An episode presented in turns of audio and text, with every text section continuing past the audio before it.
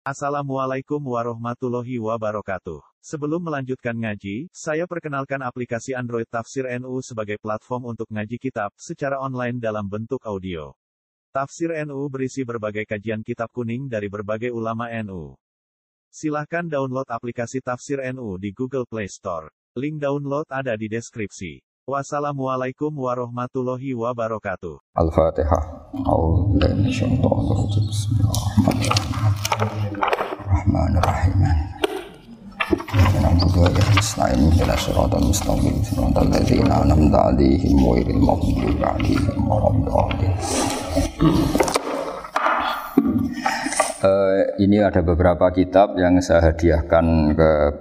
ini istilahnya PSG apa BG apa sama aja? ya sama aja lah ini eh, PSG, BG anaknya. Lo yang orang tuanya PSG-nya? Oh. Eh, jadi begini ya tadi saya eh, rembukan sama Pak Arifin musyawarah bahwa memang yang harus hidup itu ilmu. Ad-dunya mal'unah, mal'unun ma fiha illa aliman au muta'alliman wa mawalahu. Ada yang illa zikrawah wa mawalahu au aliman au muta'alliman. Jadi dunia ini semuanya terlaknat, semuanya terlaknat. Seluruh isinya dunia ini terlaknat kecuali orang yang alim, kecuali orang yang belajar atau yang dekat-dekat situ. Nah, kenapa terlaknat? Itu ibarat kita orang Indonesia nggak tahu kalau Pak Jokowi itu presiden. Itu kan ngawur sekali. Masa orang Indonesia nggak tahu kalau Pak Jokowi presiden. Kita hidup di BSK nggak tahu kalau pendirinya misalnya Pak Kures Habib Ali. Nggak tahu kalau ustadznya Pak Arifin, Pak Wafa itu kan ngawur sekali. Nah, andai kan tidak ada pelajaran, maka kita nggak tahu kalau Tuhan kita Allah itu kan ngawur sekali, nempat di buminya, makan rezekinya, kita menikmati fasilitasnya, tapi nggak tahu yang punya. Nah, sehingga di sini kadang orang-orang humanis protes, masa orang-orang kafir yang amal nggak diterima Allah, agama ini kok kayak sadis. Sebetulnya bukan gitu cara pandang. Bagaimana diterima sementara mengamalkan harta yang tidak miliknya. Itu kan ibarat saya punya uang satu miliar, terus disodakokan Pak Wafa ke Pak Arifin, terus dia bilang ini dari saya, tolong diterima. Terus Pak Arifin bilang makasih makasih, dunia mbahmu, kan gitu kira-kira. ya jadi itu logika kenapa ngamalnya orang kafir gak diterima, karena nggak ngaku yang punya. Iya. Jadi barat saya nempat di sini nginep terus terima kasihnya sama Muntaha tok, nggak sama Habib Ali. Memangnya dia yang bikin itu. Jadi orang nggak kenal Tuhannya itu buruk sekali. Malun. Nah, bisa kenal Tuhannya dimulai dari mana? Illa aliman au muta'aliman. Yaitu harus proses belajar mengajar. Mau tidak mau. Makanya setiap ilmu, makanya saat tadi rembukan sama Pak Arifin, semuanya harus atas nama ilmu. Ibadah itu nomor dua, akhlak nomor dua. Semuanya nomor satu itu ilmu. Sekali ilmu ini hilang, maka semuanya hilang. Makanya di Quran dimulai ikra bismi rabbikal ladzi khalaq. Termasuk sifat Allah Ta'ala yang awal-awal dikenalkan apa? Ikra wa rabbukal. Ketika Allah mensifati dirinya akram, alladzi allama. Orang terbaik, paling akram, paling karim, paling dermawan adalah zat sing alama mengajarkan.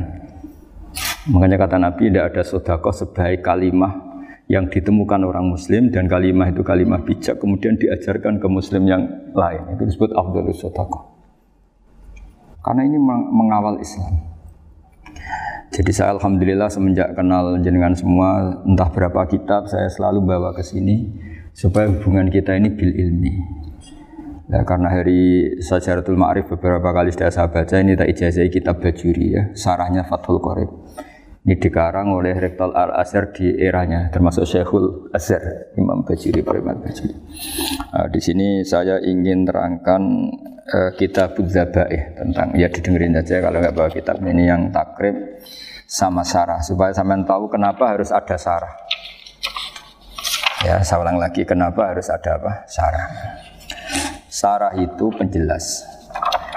Karena kelemahnya matan apa pun sempurnanya, seorang lagi kelemahnya matan apa pun sempurnanya itu pasti ya nggak sempurna namanya manusia.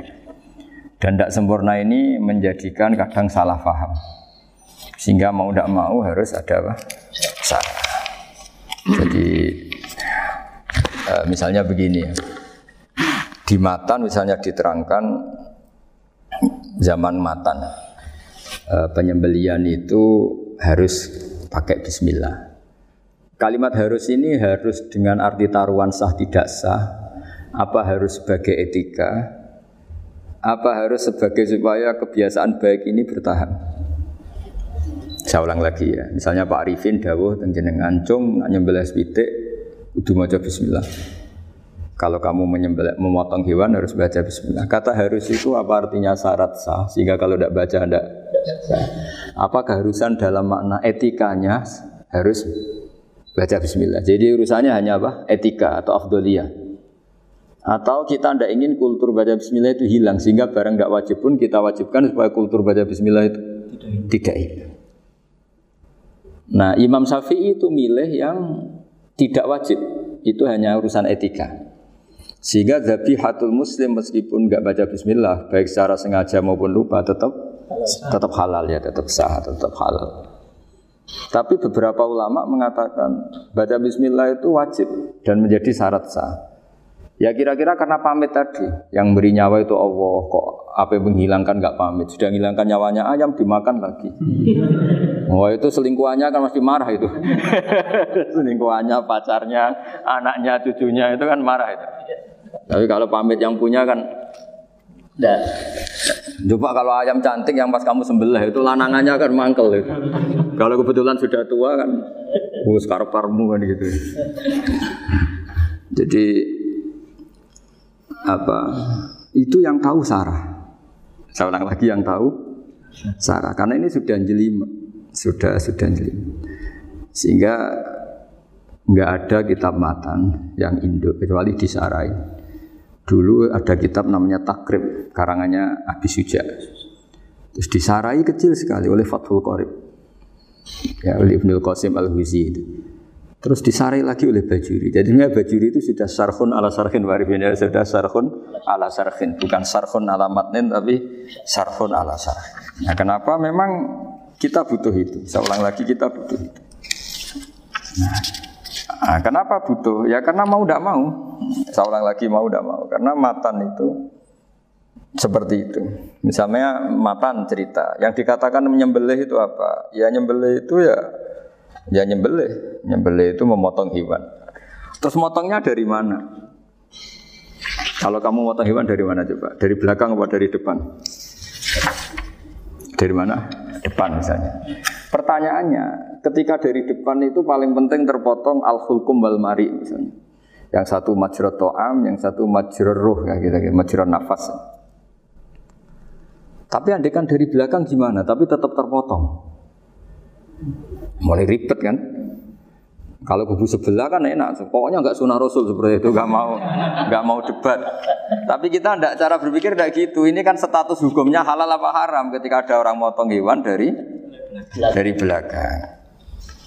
Nah, terus kita berdebat kan, mesti berdebat itu mau dibilang haram nyatanya memenuhi syarat apa tadi? Pemotongan. Nah, eh, hukumnya kena amarinya kena. Mau dibilang halal jangan-jangan pitiknya sudah pingsan sudah mati karena dogrok dari dari belakang. Nah, itu terus ulama debat. Nah, kan mungkin juga ya kan? Pitiknya sudah setengah kena corona pingsan terus. Ya kan? Sudah pingsan terus digorok. Nah. Nah seperti ini mau tidak mau kita harus detail. Uh, detail artinya yang dikatakan menyembelih itu apa? Ya nanti tak bacakan tak tak di ya sekaligus ijazah untuk jenengan semua. Saat tadi alhamdulillah ketemu Pak Arifin lama, nantikan panjang lebar tentang pentingnya ilmu. Yang dikatakan nyembelih adalah mematikan hewan yang hidup dengan kaifiah syariah. Seorang lagi mematikan hewan yang hidup dengan kaifiah syariah. Nah kalimat hidup ini mulai masalah. Hidup yang apa? Misalnya ada hewan, saya sering kalau ngaji cerita, ada ayam jago ketandang mobil, ketabrak mobil, kejet-kejet. Enggak kamu sembelih pun satu menit lagi pasti meninggal. Ini kan hanya koordinasi prosedur saja. Karena prosedur ayam mati harus kejet-kejet, enggak boleh enggak langsung peletes mati enggak boleh. Nah pertanyaannya ketika kejet-kejet ini kamu sembelih, itu halal apa enggak? Wong enggak kan enggak disembelih juga sudah mati. Artinya enggak penyembelian ini kan enggak memberi kontribusi pematian, tapi enggak ngefek. Makanya terus ada perdebatan. Ada hayatun mustaqirrah, ada hayatun ittiroriyah, ada harokatu masbuh. Itu kalau nggak sarah nggak bisa. Lalu pertanyaan nakalnya begini. Saya itu betul pernah ngalami itu. Wayam jago, jago itu kan mahal, apalagi kalau Bangkok kan. Saya pas jalan-jalan sama anak saya, sama jalan-jalan mau ke pasar itu di pertolongan tuar mak. Gue halal tau ora, karena tanya orang awam, halal halal kata saya. Gitu. Padahal dia kan dari sembelih ya pasti mati. Suatu saat ada yang mengkonfirmasi lagi. Saya bilang kalau kiai ya pantas makan ayam gitu, tapi kalau kamu tidak kiai ya pantas saja. Daripada rata halal lo geremeng eman kan ribet. Nah sebetulnya itu dalam madhab sapi itu tidak halal karena dia sudah tidak punya hayatun mustaqirrah. Karena tadi setengah menit lagi atau satu menit lagi pasti mati. Kan dia belum mati karena koordinasi Israel saja tetap yang nyambil itu. Tetap kan nggak segampang itu kan, tetap prosedur apa? Jalankan SOP. SOP, SOP-nya harus ada. Nggak boleh mati selonang-selonang itu nggak boleh, tetap ada SOP kata Warifan ada SOP. Beliau kalau sama saya bisa buyon kalau. Nah, nah, tapi misalnya nanti pertanyaan, tapi dalam madhab maliki itu diabaikan. Hayat mustaqirroh, hayat itiroriyah, hayat itu diabaikan. Cara berpikir Imam Malik lebih matematis, lebih matematis. Kalau nggak disembelih itu matinya berapa menit? Satu menit lagi. Gara-gara disembelih dia mati sekarang. Berarti eksekutornya ya peso itu. Ya berarti peso itu memenuhi kriteria mematikan sesuatu yang masih hidup, hewan yang hidup dengan cara syar'i. Jadi andai kan ada rapat malaikat, matinya karena apa coba? karena peso apa karena kecelakaan? Karena besok. ya kan? Karena kalau nggak tanpa besok nunggu satu menit. Gara-gara disembelih langsung terjadi sekarang. Nah karena hukum halal ini yang menarik dan menguntungkan Di bab ini orang jadi malikiyah semua Mana maksud saya Jadi kita ini sebetulnya syafi'i pecundang gitu. Syafi'i partai politik Jadi kalau sedang tidak menguntungkan ya Tidak Kata siapa? Kita safi safi banget? Tidak juga itu. Ya, jadi jadi karena tadi ya kalau di pada level apa pada level perdebatan ulama itu ada ada tadi ya ada ada seperti itu. Ada hayatun mustafirah ada hayatun itiroriyah ada harokatul masbuh Jadi tak baca ya supaya dapat barokahnya ulama ya. Jadi tak baca redaksinya. Ini di halaman terus kitab ini saya tinggal sebagai amal saya, keluarga saya, sebagai penghormatan saya sama Habib Ali, Habib Kures, Habib Hussein semuanya Pak Arifin dan Bismillahirrahmanirrahim wa alam ini halaman 562 ikutnya bab kita buah kami sayyidi wa Ya jadi nanti yang apa, mungkin kalau beda halaman cari di babnya apa? Kalau beda halaman cari di babnya. Karena kadang beda halaman warifnya. Kalau cetakan sekarang enggak enggak. Nanti beda. Iya, kadang beda jus pun. Kayak ikhya sekarang tuh sampai 6 jus. Zaman kita ngaji kan 4 ya. Di orang ada yang enam, ada ribet cetakan sekarang ya. Di atas ada sepuluh. Satu ya itu. Hurufnya dibesarin. Isya biar. Iya, ada yang satu. Karena ngerti ya, zaman akhir paling sudah agak buta huruf. Satu dulu punya guru terakhum sudah sepuh. Itu baca gini nggak bisa, Pak. Jadi kalau di kelas harus dituliskan pakai spidol.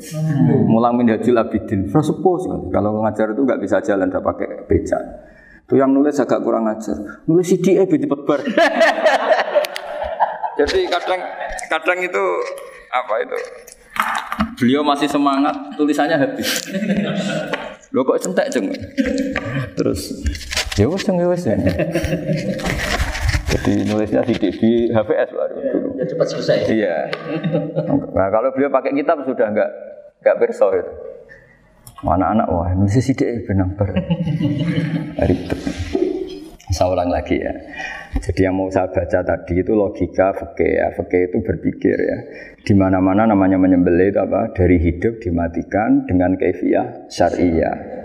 Kefiah syariah ini tidak boleh kamu nyontohkan harus disembelih keliru juga karena untuk hewan yang berat atau hewan liar cukup dipanah asal emaan harod dama yang bisa ngalirkan apa darah. Jadi makanya saya umumkan bikefiatin syariah Pak Arifinnya kan tidak harus motong kan bentuknya kalau hewan liar kan atau atau sapi kurban liar kan sapi kurban ucul liar kan boleh dipanah boleh macam-macam.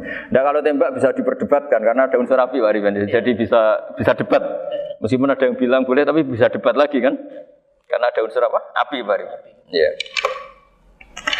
Tapi ini saya cerita umumnya bikefiatin syariah. Nah karena kalimat hewan hidup, ada kalimat hidup. Hidup yang apa kan pertanyaannya? Eh, hidup yang sudah kejet-kejet, misalnya sudah koma, udah kena corona, disentak istrinya, itu. Apalagi ayamnya menyaksikan pasangannya diselingkuhi, wah itu udah, udah stroke itu dia. Nah itu Makanya kalau orang suka macam-macam itu kayak ayam makanya itu. Saya baca ya. Bismillahirrahmanirrahim. Wa'lam annahu yujadu fi ibaratihim hayatun mustaqirrah, hayatun mustamirrah, harakatu madbuh.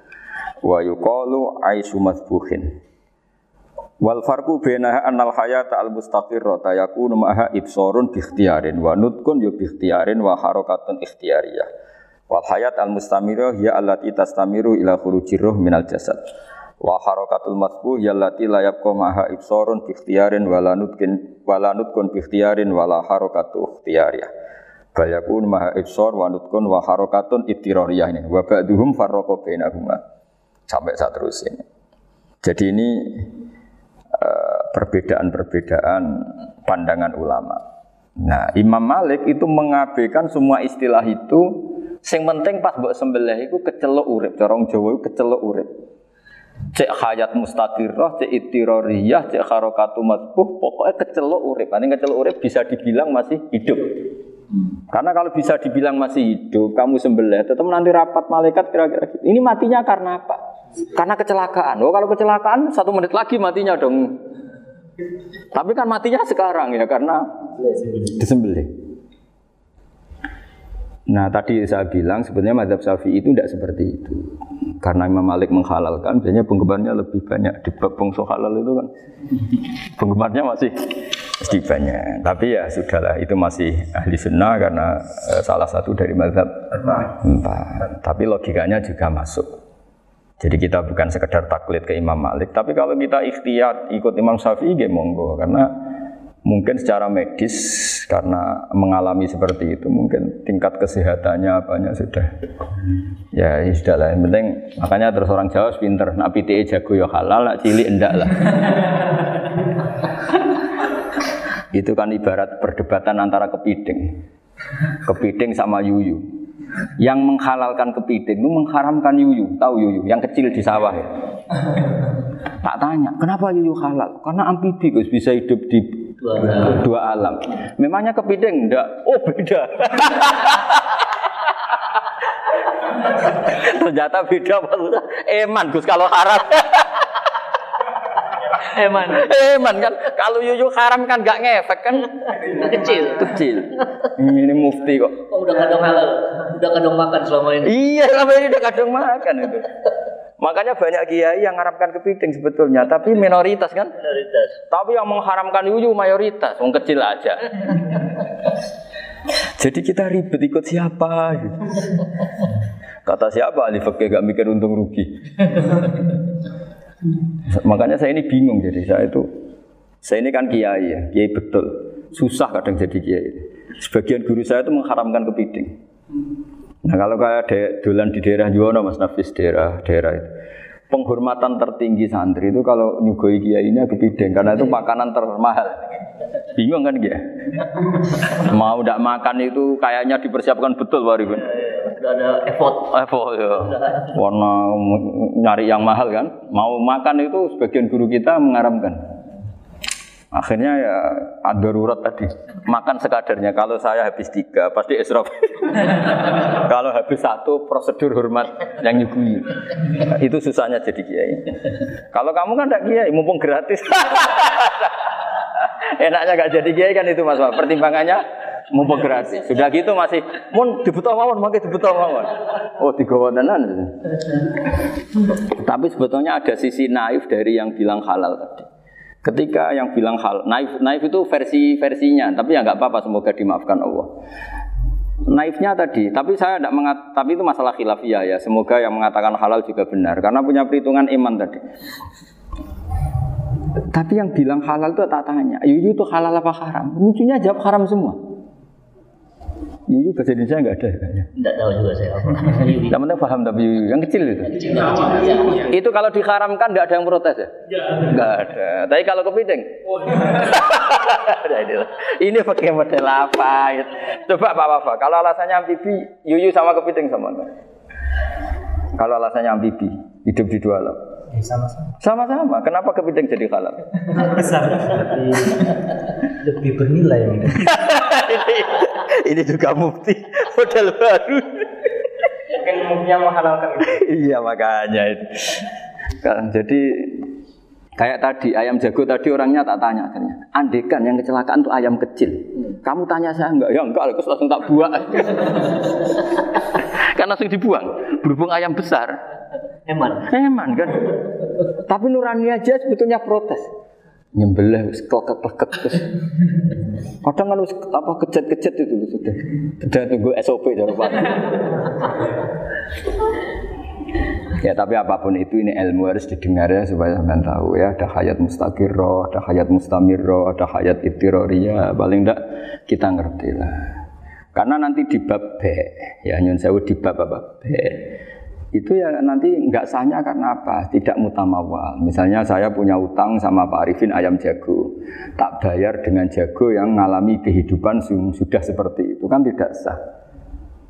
Meskipun itu hidup tapi sudah tidak hayat yang mustamir, tidak nur normal. Jadi ilmu itu apa pun tidak cocok kita karena beda mazhab misalnya, tetap sebagai apa? Ilmu. Jadi jangan pernah anti ilmu meskipun kita tidak cocok. Dulu saya itu heran sama Abu Hanifah karena membolehkan merujuk wakaf. Wakaf itu kan nggak boleh ditarik kembali dalam madhab syafi'i dan hampir semua ulama bilang gitu. Tapi kalau kata Abu, Hanifah, jika nazir yang nerima itu tidak sesuai rencana kita, keinginan kita itu boleh narik kembali. Fa innal waqfa atiyatun. Kata beliau, wakaf itu ya pemberian normal saja. Suatu saat ada peristiwa gini Pak Arifin ya, ada orang kaya raya mewakafkan tanah. Itu senilai kalau nggak salah itu 60 miliar. Singkat cerita, beliau bermain apa gitu, bisnis apa itu bangkrut. Kemudian itu nggak belum disertifikatkan wakaf. Kemudian nggak ada yang disawang coro Jawa, nggak ada yang dilihat terus mau dibeli sama nyuwun sewu sampai yang mau beli yang mampu itu non muslim. Singkat cerita ada orang kaya muslim yang mau beli itu tapi ada problem karena itu wakaf. Tapi kalau nggak dibeli itu malah dibeli non muslim. Tanya saya, saya jawab nggak apa-apa dibeli saja. Ikuti mazhab Abu Hanifah. Karena kalau mazhab Syafi'i itu nggak nggak sah semua pembeliannya. Tapi apa apa artinya mazhab kalau kita berpikir nggak sah tapi yang jual melakukan? Nah itu yang nggak dipikirkan oleh orang-orang fikih yang di Menara Gading. Apa gunanya kita bilang nggak sah? Tapi yang punya tanah tadi tetap menjual. Karena tidak mengindahkan hukum itu. Mau apa? Coba? Makanya saya bilang ke bagi ini tentang Gus itu nggak ada kaulnya dalam adab Syafi'i saya bilang kamu mengharamkan itu tidak ada gunanya karena itu tetap dilakukan. Jadi kita pertimbangannya ndak itu daripada dikuasai situ mendingan kita. Betul. Nah itu itu sisi-sisi fikih. Makanya ini kita ngaji fikih tidak segampang itu memberi fatwa karena pertimbangannya banyak, Pak. Tidak hitam putih. Tidak hitam putih gitu maksud saya ini cerita cerita. Jadi nanti kamu ngerti. Jadi mau apa coba? Itu kan ibarat gini. Hukumnya kita ngajar perempuan itu masalah sebetulnya secara karena itu ajnabiyah. Tapi fakta mentoleransi li ajli ta'lim karena untuk belajar gak apa-apa. Kalau sudah jadi fakta itu ribet. Dia maunya belajar sama kamu dan sekali kamu tidak mau belajar ke yang lain yang potensi menyesatkan. Jadi fakirnya bukan masalah nazar lagi sudah sudah penyelamatan. Ribet kan kalau sudah begitu. Saya punya kenangan yang menurut saya itu harus jadi trauma. Siapa pun harus jadi trauma. Ini cerita, cerita sedikit. Ini masih ngaji fikih pertimbangan. Ada orang itu sangat khusyuk, Pak. Sangat khusyuknya di rumahnya Pak Wafa itu nggak ada TV, nggak ada motor, nggak ada apa saja. Ketika anaknya berkembang agak dewasa, itu pertama naik motor, itu ya utang jasa sama kawan-kawannya. Pertama dia ngelihat nikmati TV ya dari kawan-kawannya. Corong Jawa mbek tanggane lah. Padahal orang tuanya ini protektif justru karena banyak tanggane sing tidak pati Islami lah. Ya mereka orang Islam tapi ya nggak sholat, nggak apa. Singkat cerita orang tuanya ini datang ke rumah sana nangis mereka. Nangis Gus, sekarang saya ikrar bahwa mazhab Abah jenengan Kiai Nur Salim mazhab bapak saya itu mazhab jenengan itu lebih hebat imam mazhab kulo. Nangis deh. Dulu saya itu agak menyalahkan Kiai Nur Salim jenengan karena longgar di rumah ada TV, ada motor. Terus dia cerita. Nah karena anaknya ini pertama bisa naik motor, untuk anak ABG ini kan jasa yang luar biasa. Karena dia butuh sekali bisa naik motor, dipinjemin. Akhirnya walhasil anaknya ini yang saya merantau ke Jakarta ke mana? Akhirnya lam yusolli wa lam yasum. Padahal anaknya ya kiai kamu. Terus tak ceritanya. Terus akhirnya dia tanya, kenapa sih Gus jenengan sama abah kok longgar gitu sama anak? Tak ceritani gini Pak Arifin, menurut ilmu al-insan abdul ihsan, manusia itu budaknya kebaikan. Karena utang jasanya sama anak ini, ya dia akan ainut anak ini. Sementara kenangannya baik jenengan bu amui, Tidak boleh, tidak boleh. tidak boleh, tidak boleh. Dia baru ngakui ya saya itu nyun sewu hanya khusuk tapi kurang ilmu. Tadi dia hanya berdasar khusuk. Bocah kok main TV kan pikirannya hanya gitu. Ini cerita ilmu saya bukan menjustifikasi mana ini kan cerita ilmu Pak ya. Jadi semuanya itu ada hitung-hitungannya. Coba kalau kita terlalu stakung be anak, anak pertama naik motor jasanya orang nggak sholat ya. Pertama roh TV jasanya orang nggak sholat. Coba terikatnya anak ini sama kita apa sama orang itu? Sama orang itu. Bayangkan kalau umur ABG. Kalau umur tak pari pun Pak Wafa ini nafsu astagfirullah kan. Eh gue cok tua nome ya ora. gaya tok. Bareng tua udah khusus gue gaya tok. Aslinya nome bodoh. Ya saya sama-sama semua. Cuma saya akan lebih jujur dari biasa. Jadi orang tuh harus ngitung gitu. Itu kenapa Mbah Mun tuh kiai alim alama. Setahu saya dalamnya ada TV. Putra putra ini lihat TV. Meskipun kita tidak mungkiri negatifnya TV, kita nggak mungkiri Pak Arifin ya. Tapi tadi ketika anak-anak ABG itu pertama lihat TV jasanya tonggoni. Kalau kebetulan tangganya wong soleh nggak masalah ya. Kalau enggak, itu nangis ke rumah saya itu. Nyesel. Nyesel deh. Tapi saya bilang gini, ini jenengan tiang soleh, mesti anak jenengan suatu saat kembali. Coba pola jenengan harus ubah. Ini hebatnya Nabi. Ketika Sayyidah Aisyah masih kecil, minta diperlihatkan likbul habasyah. Itu ya diturutin kan masyur itu. Kayak apa Nabi? Karena kalau nggak diturutin, pasti Sayyidah Aisyah akan ngidolakan mainan yang lain yang di luaran sana malah. Itu karena Nabi punya kearifan tadi. Jadi ini kan ilmu lagi-lagi ilmu. Jadi yang semua itu harus dibaca dengan ilmu. Makanya kata Nabi, "Ad-dunya mal'unatun mal'unun fiha illa dzikrawah wa ma'alalahu aw aliman aw muta'alliman." Karena dunia ini hanya bisa dibaca dengan ilmu. Yang diridhai Allah maksud saya hanya bisa di... Lu saya itu banyak kenal menteri, kenal pejabat. Tapi saya tidak pernah melihat itu sebagai pejabat. Melihatnya itu orang yang ingin belajar agama. Karena sekali salah melihat, yang hidup itu tamaknya Pak Arif. Yang hidup kan tamaknya. Saya kenal orang kaya kok melihat kaya, yang hidup itu tamaknya, ingin dapat ini. Dapat. Tapi kalau melihat itu sebagai hamba Allah yang ingin belajar, insya Allah kita selamat dari tamak. Meskipun kita ya manusia tidak sempurna.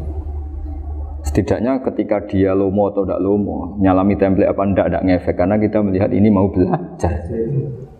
Tapi kalau kamu didorong tamak, oh katanya orang kaya ternyata nggak tahu haknya kiai ribet kan? Ribet.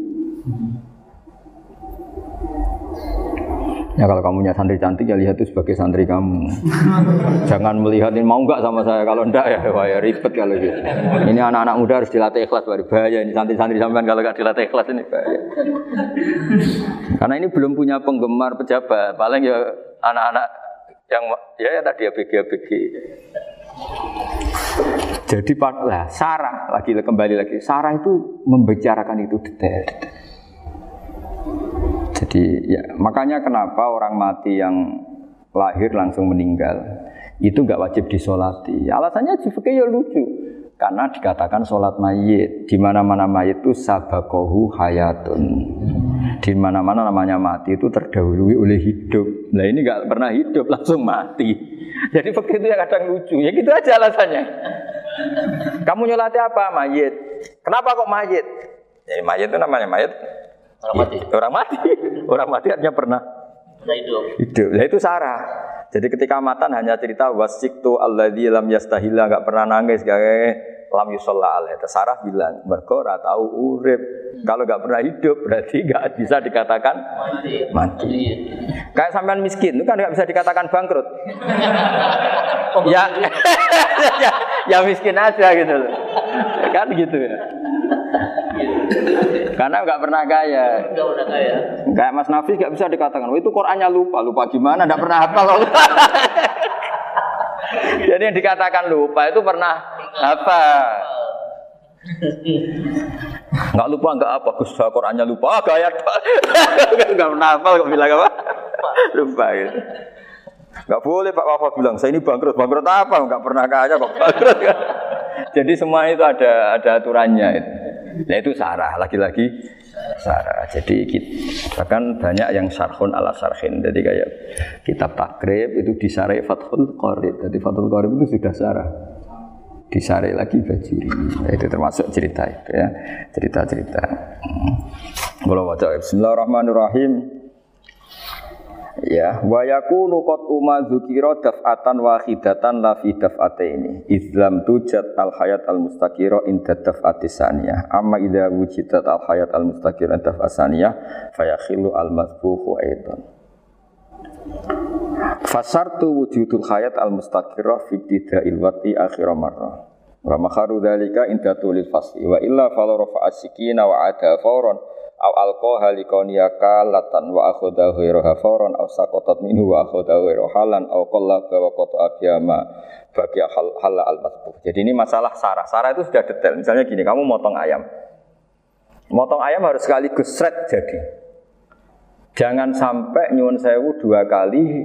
Jangan-jangan misalnya gini, ayam tak potong, pas ke, ke kiri separuh, ya ke kiri separuh apa hulkumnya, Pak Arifin datang, Assalamualaikum Gus Pak, Waalaikumsalam terus santai jagungan dulu. Jagungan sampai besoknya itu nggak meneruskan. Bareng-bareng malah salam, ingat lagi dulu ayam saya ini. Ketika saya meneruskan ini, potensi ayam ini sudah mati atau sudah hidup yang ini masih mazhab Syafi'i loh ya.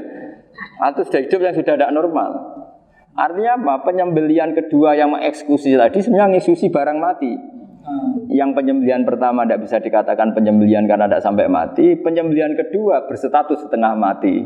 Nah kalau seperti itu maka haram.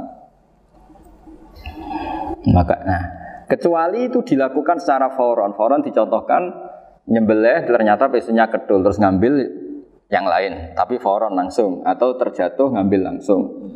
Ya itu boleh karena ditoleransi. Tapi kalau kalam ajnabi kata tadi mohon Pak Arifin. Seperti Pak Arifin, alhamdulillah sih. Jaminan mau rawuh dari ayamnya asem mana? ini harus sebar. ini orang ngapur betul. jadi, lah itu sarah. Bicara sampai detail itu sarah. Jadi ada sekian kemungkinan. Eh, jadi ya, jadi termasuk yang diandaikan apa Nah, hayat mustaqirah itu batasnya yakunu maha ibsorun bi ikhtiarin wa nutkun bi ikhtiarin wa harakatun ikhtiyariyah. Hayat mustaqirah itu kalau dia betok-betok itu ya karena karepnya. Maksudnya gini, gamane cara roh pitik wedok engkek yo cek karepe dhewe. Cara dia melihat peso itu karepe ya masih lari. Jadi misalnya ada ayam. Ayam kita sembelih baru luka, luka sedikit belum sampai adekan dibiarin ya mungkin suatu saat sembuh. Luka. Terus melihat kamu lari ketakutan karena kamu dianggap gladiator eh, killer lah. Nah itu berarti punya hayat mustaqirah tapi sudah kalau kamu sembelih karek ngeriwit roh kue serawedi ya kan?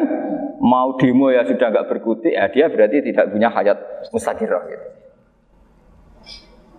ya batasannya itu joro. Nah dalam mazhab Syafi'i, syarat sahnya penyembelihan harus hewan itu punya hayat mustaqirah. Nah ini sarah ya, jadi sarah itu lebih jeli. Nah makanya kenapa tidak boleh nyembelih pakai yang tumpul Mas Nafis? Takutnya ayamnya itu ngalami dokter, atau kok ditekek.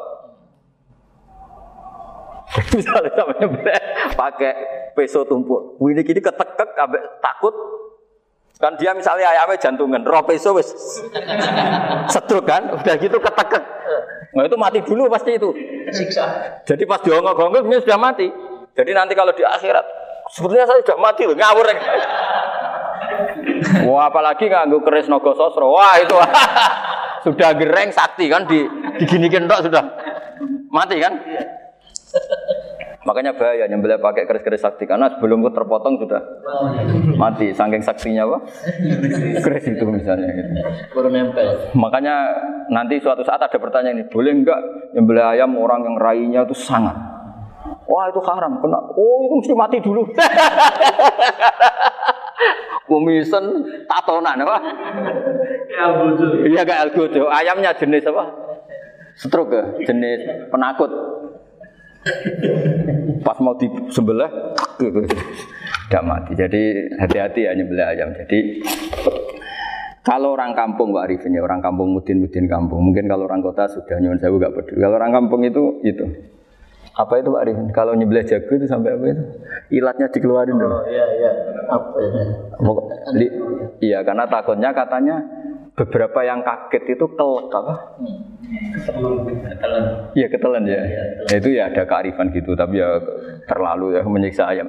Tapi memang potensi katanya Pak Arif. Katanya katanya yang ahli-ahli itu ya. Jadi kalau dia jago ya, mau disembelih, saking takutnya itu. Kalau orang Jawa kalau takut kan yang ngelek itu ya. Itu orang Jawa loh ya. Itu kalau orang takut kan kadang apa kayak Nah, Nah, ayam itu nak ketakut. Lah, Kadang ininya terus apa? Lidahnya masuk. Akhirnya pas disembelih ini nggak kena. Nah, makanya terus banyak mudin yang punya ikhtiar tadi. Pernah lihat loh Pak yang ayam jago itu ilatnya di ya itu ya tidak wajib cuma tidak bisa kita salahkan. Tapi kata ya, tapi kata penyembelih penyembelih yang lain tak tanya eksekutor eksekutor yang lain, pokoknya rodok dipenek. Iku wis iso. saya belum pernah nyembelih ayam karena karena ini kan selain nggak profesi saya juga nggak mentolonan saya. Tapi ini beberapa kefiah yang penting kita tahu ilmunya. Yang paling pokok itu kotul hulkum wal mari. Ya kira-kira dalan sing digo nafas sama digo makanan tadi. Ya tapi itu tadi caranya semua itu harus apa tadi mengalami atau masih punya hayatun mustaqirah. Nah, takutnya dalam konteks nyembelih yang apa tadi? Saya bilang separuh tadi? Separuh. Itu jamnya normal enggak itu sudah jam 11 ya? Cepetan juga. Oh, oh jam mati almarhum itu. Itu nggak halal disembelih itu sudah sudah maitah ya. 13, 10, 14 kan. Iya ya. Ya makanya saya bingung ya job. ya jadi itu Pak Wafa ya pentingnya sarah itu seperti itu. Matan itu kan asal nyembelih saja. Tapi di sarah diterangkan jangan hanya nyembelih, yang disembelih harus ada hayatun mustaqirro karena dikatakan penyembelihan adalah menghilangkan nyawa dengan cara yang syar'i. Nah, kalau nyawanya saja sudah hilang Bukan boleh. bukan nyembelih gitu. Nah, potensi itu ada ketika jago kamu sembelih pakai yang tumpul. Ini ada dohtoh. Loh hewan itu juga kayak manusia loh karena punya hati. Ketika takut saja mati. Nah, takutnya ulama kan ini ngalami dohtoh. Kayak orang ditekek kan mati kan. Ditekek kaget. Contoh gampang gini. Orang ditekek perempuan kemungkinan mati itu kecil. Karena murni hanya ngalami pernafasan. Tapi nak ditekek wong guaga tatonan kan terus dua reaksi tubuh. Takut sama nggak bisa bernafas. Itu kan lebih cepat apa? Kira-kira kan gitu. Lah ini sudah takut dongok-dongok itu kan nyiksa. Saya sering ketemu orang yang ahli nyari ular, nyari apa. Itu ya gitu. Filosofinya sama seperti orang perang. Harus bikin takut. Wih, iku kewan, Gus, nak disuwentak, iku telelekan. Jadi telelekan itu apa Pak Anda bicara bahasa Batawi ini? Orang kaget terus terpaku itu. Apa kayaknya? Teorinya Khalid bin Walid kan gitu. Kalau perang supaya musuh takut. Kamu tahu saya, kami siapa? Ayo, jina biqaumin yuhibbunal mauta kama tuhibbunal hayat. Kita ini bawa pasukan yang mereka mencintai mati kayak kalian mencintai hidup. Pasukan kami ini wah darwis, berani modar ya wis gitu. Kira-kira gitu kalau bahasa Jawa itu. Berani mati. Berani mati. Akhirnya musuhnya kan us. Nah, di, di antara syaratnya perang kan gitu harus bikin musuh itu takut, gemeter. Nah, nah telelekan itu gampang gitu. Telelekan itu pokoknya tadi loh Arifin, kepaku tadi. Nah, agak berkutik. Paham ya? Nah jangan-jangan ayam yang kita sembelih mah wis wedi diongo-ongo mati duluan gitu. Nah, makanya terus kata kata musonep kalau bisa itu wayaku numadzukiro bidafatin wahidah. Kalau itu usahakan sekali jadi. Tapi itu bukan berarti syarat sahnya harus sekali jadi. Kira-kira karena tadi gak kebayang kan kalau baru separuh tak Assalamualaikum Gus Pak, Waalaikumsalam Pak Arifin, sebudi kabarnya. Baru itu terus ingat, diteruskan lagi. Kemungkinan ini sudah mati apa? Nah, makanya ya tapi lagi-lagi ini sarah ya tak baca Bismillahirrahmanirrahim wa yakunu qad umadukira daf'atan wahidatan la fi daf'ataini fa innahu yahrumul masbuh hina. Kalau dua kali, tapi dua kali maksudnya yang satu kali ini mengakibatkan kematian. Dikatakan penyembelian belum sempurna, dikatakan hidup toh nanti pasti mati. Berarti tidak mengalami hayatun mustaqirah.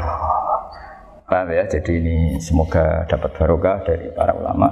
Jadi saya mohon nanti Pak Wafa, Pak Muntaha, teman-teman jangan hanya baca matan ya. Pada level alim itu harus baca syarah karena matan itu nyun sewu tidak cukup untuk menjawab sekian kemungkinan. Nah, sarah itu sonok fardul masalah. Ya Pak Arif ini ya mengandekan masalah meskipun belum terjadi ya pengandaian sehingga nanti kalau terjadi us kalau militer itu apa? A, B ya? Alternatif gimana? Kalau strategi itu kan ada sekian A, B, C. Kalau A gagal, B sudah siap oh, militer. Jadi kalau masuk surga pintu satu nggak bisa, itu kedua. Lewat teras Gus. Ini sembrono.